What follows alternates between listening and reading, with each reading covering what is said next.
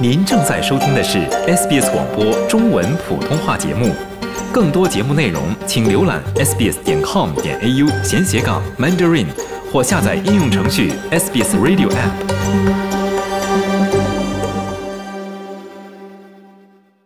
从法律角度看待社会现象，以专家意见指点生活迷津。请听现场说法。现场说法，您了解法律、咨询问题的空间。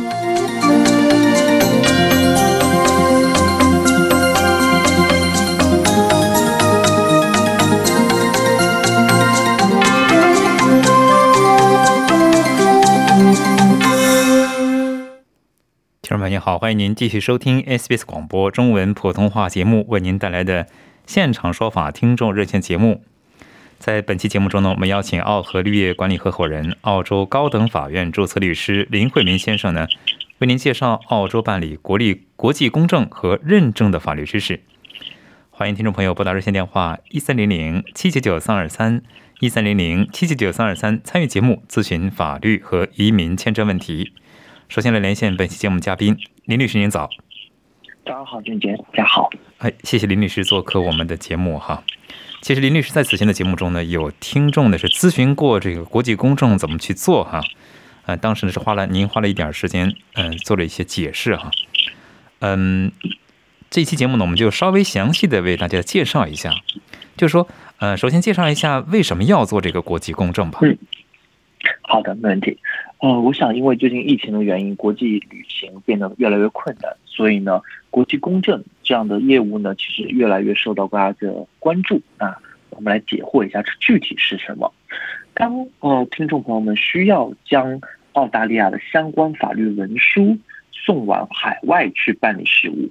通常呢，这个国家或地区呢，需要您啊，对于澳大利亚的文书进行公证和认证，就是另一个。政府或者另一个管辖权的法院对澳洲的政府或者澳洲的管辖权的法院的文件进行认可，公我们叫做公证或者认证，或者呢要求您啊在澳洲公证律师面前呢签署某些文件，比如说授权委托书。那么这个时候呢，您呢就需要找到一位澳洲有公证资质的律师呢，对您的文件或者签名进行公证，并出示相关的公证书。嗯。相信哈，如果是一些新移民的话，尤其是从中国大陆移民来的新移民，一定见过一个地方叫公证处哈。在澳洲有没有这样的公证处呢？呃，公证处呢，在澳洲，它呢，我们一般啊不叫做公证处，我们一般呢叫做国际公证律师，也就是 Notary Public。呃，这里的公证处呢，职能就有这个国际公证律师来办理了。办理完澳洲公证之后呢，如果要拿到海外使用啊，那么还要经过澳洲外交部进行办理这个认证的手续。哎，这里我们就提到第二个词了，认证。那么第三步呢，如果使用国就是呃要拿去被认证的国家不属于取消文书认证的海牙公约国的话，比如说中国，那么还要需要拿到中国驻澳洲使领馆办理领事认证。这里我们又提到了一个认证的词。经过以上三个步骤呢，那么澳洲的文书就可以在海外有效使用了。我们再次重复一下啊，第一个，如因为我们没有公证处，那么第一个先由国际公证律师进行公证；第二个，如果要拿到海外，再由澳洲外交部进行认证；第三个，如果要在中国使用的话，因为中国不是海牙公约国，如果在中国使用的话，还要拿到中国驻澳洲使领馆办理领事认证。三个步骤。嗯，就是给我感觉就是说需要，呃，自我感觉啊，就需要证明三次哈。这个公证和认证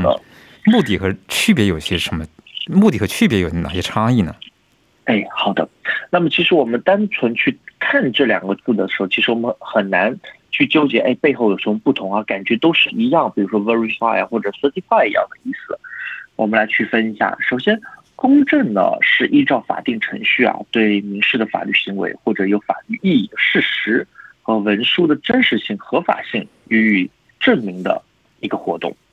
那么，呃，中国呢，它有中国的公证法，那么它的缔结或参加了国际条约呢，就要按照这个公证法来进行办理这个公证。那么，根据国际惯例啊，办理领事认证。那是另一个方式或者方法或者目的了。比如说，一个国家出具的公证书，可以在另一个国家的境内被相关部门承认具有法律效力的话，那么首先呢，应当是呃在驻外使领馆可以由为由驻在国有关机构出具的文件进行这个认证，然后再送往中国呃进行使用。那么换句话来说，在澳大利亚的话，公证呢是中国驻澳使领馆对澳在澳的中国公民的文书进行直接的证明，认证呢是中国啊驻澳使领馆对澳大利亚外交贸易部或者是其他办事处认证过的文书进行证明。我们再用白话来表达一次：如果中国公民想要对某件某个文书直接进行证明的话，它可以有两种途径。第一种途径呢，去找国际公证律师；第二个途径呢，是找中国驻澳使领馆。认证呢，是指中国公民啊想对某个文件拿回中国去用的时候，但这个文件呢又是澳洲的文件，嗯，所以呢，他要先去澳大利亚的外交贸易部进行呃认证，然后再将一个澳洲外外外交贸易部认可过的文件啊，再拿去使领馆进行认证。我们举个例子，可能会让听众朋友们更加容易明白。确实，不然一会儿绕进去了。是的，我们举个举个例子，比如说我们在澳洲开了，我在澳家澳洲开了一家公司啊，我是这澳洲公司的唯一的股东，我想证明这件事情，但是我所有的文件都是英文的嘛，而且我所有的文件都是存储在一个澳洲工商局相关部门的，中国政府呢并不一定知道，也无法一定核实，所以呢，我需要先去把这个工商局的文件下载下来，打印出来，然后呢找国际公证律师进行公证。然后国际公证进行公证完之后呢，我们需要再去找这个澳洲外交部，因为澳洲外交部了解澳洲工商局的文件嘛，他们也认真无误之后，那么中国驻澳洲使领馆呢，可能就会相对的啊开绿灯放通行，对一个国际公证律师认公证过的文件，并且呢是外州澳洲外交部也认证过的一个文件进行认证了，那这样子的话，你就能证明。我在澳洲是有一家公司，并且可以拿到中国使用了。嗯嗯，可不可以这么理解？您刚才是以中国举例哈，就是说，嗯，如果是在澳大利亚的华人，但是没有入澳籍，是中国公民，这时候如果比方说要公证一些文件的话，直接去这个驻澳使领馆去申请公证，是不是就免了之后的认证的这些程序了呢？呃，这是一个选择，但是就像我们刚刚提及到的，如果这个文件它是涉及到澳洲政府或者澳洲法院使用或者出具的话，那中国使领馆有时候可能它，呃，还不会这么直接的进行一个认证的一个服务，因为有些文件他们也无法核实。那如果是国际公证律师或者是澳洲外交部，他们先去认证这个内容的话呢？那其实对文件本身的这个真实性和澳洲澳洲本身管辖权的合法性，那么可能就是做了一定的判断了。嗯，非常感谢林律师介绍，听众朋友，您正在收听的是 SBS 广播中文普通话节目为您带来的现场说法听众热线节目。本期节目呢，林慧梅律师为您介绍澳洲办理国际公证和认证的法律知识。欢迎您继续拨打热线电话一三零零七九九三二三。一三零零七九九三二三来参与节目，咨询法律和移民签证问题。接下来我们先来接听一位听众电话，这位是 Thomas，Thomas 您好，你好，久等了，请讲。主持人早晨好，烈士早晨好，我可以替我朋友问一个问题吗？哎，欢迎您请讲。我朋友的问题就是他与医疗事故的赔偿的问题。不知道林律师是不是也接受这方面的诉讼？嗯，是的，没问题。您请讲您的具体问题，我们看怎么帮助您。他医生已经一再的明确道歉，这是手术出了问题。那么因此呢，想请律师提出这个诉讼。不知道这个情况可以吗？哦，了解，了解您的问题了。呃，有三个选择啊，您的朋友可以遇到的。我们说来解释一下这三个选择。第一个选择呢是，如果医生他已经道歉，并且承认了他的一些手术的这个失误，我们叫做 professional negligence 的话，呃职业过失，那我们可以尝试去呃出他的保险，他一定会有买他的职业保险的，我们可以尝试让他自己或者我们去 claim 他的这个职业保险，获得一个您朋友的一个医疗事故的赔偿，这是第一个选择啊。第二个选择呢是呃，假设非常非常低的几率他没有保险，非常非常低的几率没有保险，或者呢他忘了去续的他的保险，或者呢他不想去触发他的保险。那么这时候呢，您的朋友可以选择医生呢去选择民事和解，就是依然我们去判定，由第三方去判定您的朋友因为这场医疗事故啊遭遇到了多大的一个损失，金额大概是多少，我们先定损，定完损之后，我们可以尝试去跟他和解，和解之后呢，我们可以跟他去签署和解协议，叫做 settlement deed。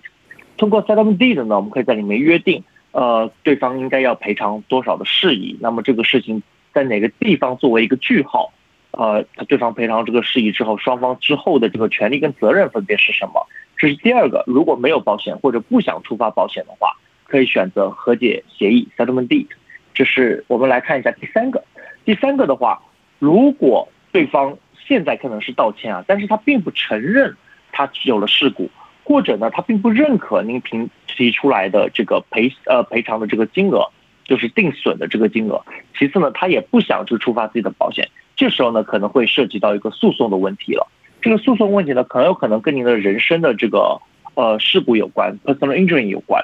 啊，这三个分别是保险、和解或者是诉讼。我认为是您的朋友在面对医疗事故的时候可以尝试去进行解决的。此外，还有一种方式呢，可能不会直接解决，但是呢，可以尝试去呃医护人员的这个相关的委员会进行投诉。或者进行协会内的这个呃调解，但是这个力度呢可能会相对轻一些，因此呢，我觉得可以着重于以上我们说的三个内容进行这个呃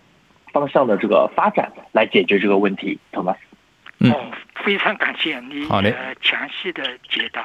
那么就是问，请问你做不做这一个问题的这个 case？呃，我们律所有专门的人士来提供相关的 personal injury 的这个法律服务。嗯，好，好嘞，具体谢谢托马斯。那接下来我一个呃，他很要紧要我问的问题就是，老外的律师呢，都明确讲，这个诉讼如果不成功，不收任何的费用。你们也是这样吗？呃，如果涉及到 personal injury 的话，澳洲比较实行的一种收费方式是 no win no fee。呃，所以呢，一般在接受这样的案件当中，很多律所呢会进行评估，也就是他认为这样的呃成功率是较为高的时候，他可能会向您提出 no win no fee 的一个收费标准。很有可能对方的这个被告主体呢会是保险公司，因此呢达成和解或获得赔偿的几率会非常高。但您在即使尽管它是 no win no fee，我依然非常建议您在签署这个律师委托书的时候，也要着重的去审阅是否真的如此所述。好吗？嗯，好的。好嘞。最后一个问题，你你在墨尔本有没有办公的地点？呃，我们主要是在昆士兰执业，但我相信墨尔本也有会有一些关于 personal injury 的律师，可以很好的帮助到您。嗯，好嘞，谢谢 Thomas，祝您顺利。听众朋友您好，欢迎您继续收听 SBS 广播中文普通话节目为您带来的现场说法听众热线节目。在刚才的节目中呢。啊，林慧梅律师已经为您介绍了澳洲办理国际公证和认证的相关法律知识。欢迎听众朋友们呢继续拨打热线电话一三零零七九九三二三一三零零七九九三二三参与节目咨询法律和移民签证问题。接下来我们继续接听听众电话，这位是 Catherine，Catherine 您好。你好。久等了，请讲。嗯，早上好，请问一下那个呃律师。就是呃，前两前两期您讲过一个 PUA 的那个那个事，我现在就是说有一个呃 PUA，就是我嗯帮我儿子 authority，然后 P 那个叫 general PUA 吧，嗯，然后呢呃上面有明确写的，就是我可以管理 mortgage 这个这个事情。但是我去银行去 HSBC，就是汇丰银行，然后呢，他们银行呢就说我，呃，其实他们给我办了 POA，在他们的银行里我也不可以管理，mortgage，就是我儿子的 mortgage，我主要是想做他的 interest review 一下，然后他们就说我不可以，没有这个权利。了解，好，谢谢你开展您的问题。呃，我想先请问一下，您是在哪个州？因为呃不同的州对于这个授权。New South Wales 州。OK，好，先生，没问题。好的，我跟您大概先讲一下它的大致的这个实践当中的操作办法啊。呃，有两点您可能需要注意一下。第一点，如果呃 General POA 涉及到这个地产的话，原则上它是需要去注册的，需要去 Title Office 先去注册，使得它生效。呃，它比相对的呃非不动产的处置授权处置要相对严格一些。所以，如果涉及到不动产的处置或者委托的话呢，我会建议您第一步要先去注册，这第一个事宜。第二个事宜呢，呃，不同的这个银行啊，它还会有一些不同的实操。有些银行呢会直接接受这个政府的这个版本，有些银行呢它有自己的一个授权书的这个版本，很有可能 HSBC 呢它是有自己的一个实操办法的。您可以问他一下，他是否有其他的一个委托的一个版本。那这个版本就是银行内部更为认可或者更为呃符合他的实操的，那么可能要麻烦您的孩子再签署一次，对您有一个银行 banking 业务的一个委托。那这样子的话，一您拿着一个呃在 title office 注册过的一个 general 的 POA，然后其次呢，您再拿着一个所需要的办理的这个相关部门的，比如说 HSBC 啊或者其他银行啊之类的，他们内部更加符合他们实操的一个委托书。这两份的话，可能会让您呃办事情啊更加呃顺畅一些。您可以问一下是否是这两个我我我我这嗯，我我这两份都有，就是我儿子也办过这个 authority，就是我们两个亲自去他的分行，然后办过，然后他的账号我都可以看，然后钱也我可以转。现在就说我的这个 POA 也是 register 的，然后现在就是说我要。帮他就说 interest review 一下，然后呢，我就问一下他的 interest 是多少，然后呢，呃，就说银行就说我没有这个权利了，然后我拿出我的 POA 了，然后呢，他们就说我的 POA 和 PA 是一样的权利，反正他们就是说这两个权利都没有办法。就是管理他的 mortgage 账号，嗯，呃，好的，那还有两个切入点哦。第一个切入点是，是否这样的 POA 它没有没有直接把这个写明或者权限不够高？如果是的话，可以尝试 amend 一下，先问一下银行再去 amend，是否他们认为您的 POA 没有达到完整的一个 banking 业务的一个委托？比如说明确写进去，我可以做 refinance，可以改变它的 interest，我可以帮。签那个贷款文件等等，是否他要非常这样 specific 的写在里面？如果是的话，那我们再去 amend，这是第一个切入点。第二个切入点呢，就问他是否是尽管我写的这么清楚，或者把权限这么高了，银行对于 interest review 这件事情就是不接受这个呃 power Tony 的，就是不接受受托人过来管的。这个可能性相对低，因为很多的经济事务都可以进行完全百分百的这个委托的。但是呢，也可以跟他沟通一下。如果这两个问题回来的回来的答复啊是正面的，那我们就可以尝试 amend，就可以解决这个问题了。如果这两个问题回来之后是负面的，那我觉得呃很有可能要跟他有一个非常深入的这个消费者的这个甚至关于这个服务内容的一个呃关于 complaint 啊或者 dispute 的一个沟通了。因为我认为。对于这个经济事务是可以有全方位的这个 banking 的委托的，呃，部分银行以及部分业客户也确实通过 POA 进行了全方位的一个 financial 业务的一个委托。嗯。哦，那他这个 POA 还有更高级别的，我这个 POA 上面明确写了，我可以。嗯，就是呃，relation to the purchase, mortgage and rental management of any real property in Australia。这个还不够吗？级别？嗯，一般用的就是 general POA，我是指里面的这个描述，它的 POA 的内容啊。那这样的话，可以问一下银行，说这几点是否是他们认为不接受的原因是写的不够明细。那这样的话，那我们就把很多的 banking 业务都罗列在下面，这是一种写法。比如说有二级标题、三级标题，比如说涉及到 banking 的时候，我的二级标题就是转贷，或者是重新申请贷款，或者甚至是解压等等，我就把这二级标题全部写在里面。让银行认可我这个呃授权书啊是非常全方面，并且是深入的，这也是一种呃切入的方式去跟他进行这个沟通。您可以尝试一下，但我认为呃这个答案会比较积极，帮助到您呃这个最终的结果了，因为呃其他的 P O A 原则上都是可以去处理呃 banking 的业务的。嗯麻烦您问一下，您说的解压是什么东西呀、哦，解压是 discharge，抱歉，就是把这个贷款给移除掉。哦，那我这个，我这个刚才我念的这一段还不够明确吗？就是说可以管理的猫这可能要看，这可能要看银行了，看银行它的角度了。有的银行会比较保守，有些银行可能办理这个委托比较多，所以呢，他愿意就是呃一份 general POA，他就可能愿意接受。有呃，尽管他的 discretion 里面的 scope，呃，委托的 attorney 的 scope 没有这么的呃详细，他可能也会接受。有些银行可能相对保守，这可能要问一下他真正担心的问题是什么？是他内部政策就是不接受，还是说他说您的 POA 写的不够详细？看一下他们认为问题在哪儿，我们再尝试去修正它。那好的，修正的话，不是又要找律师，然后又要交一笔律师费是吧？啊，这是另一个问题了，这是另一个服务的问题好了。的，好嘞，谢谢，好嘞，谢谢 Catherine。那么，听众朋友，欢迎您继续拨打热线电话一三零零七九九三二三一三零零七九九三二三参与节目咨询法律和移民签证问题。接下来我们继续接听听众电话，这位是邓女士，邓女士您好，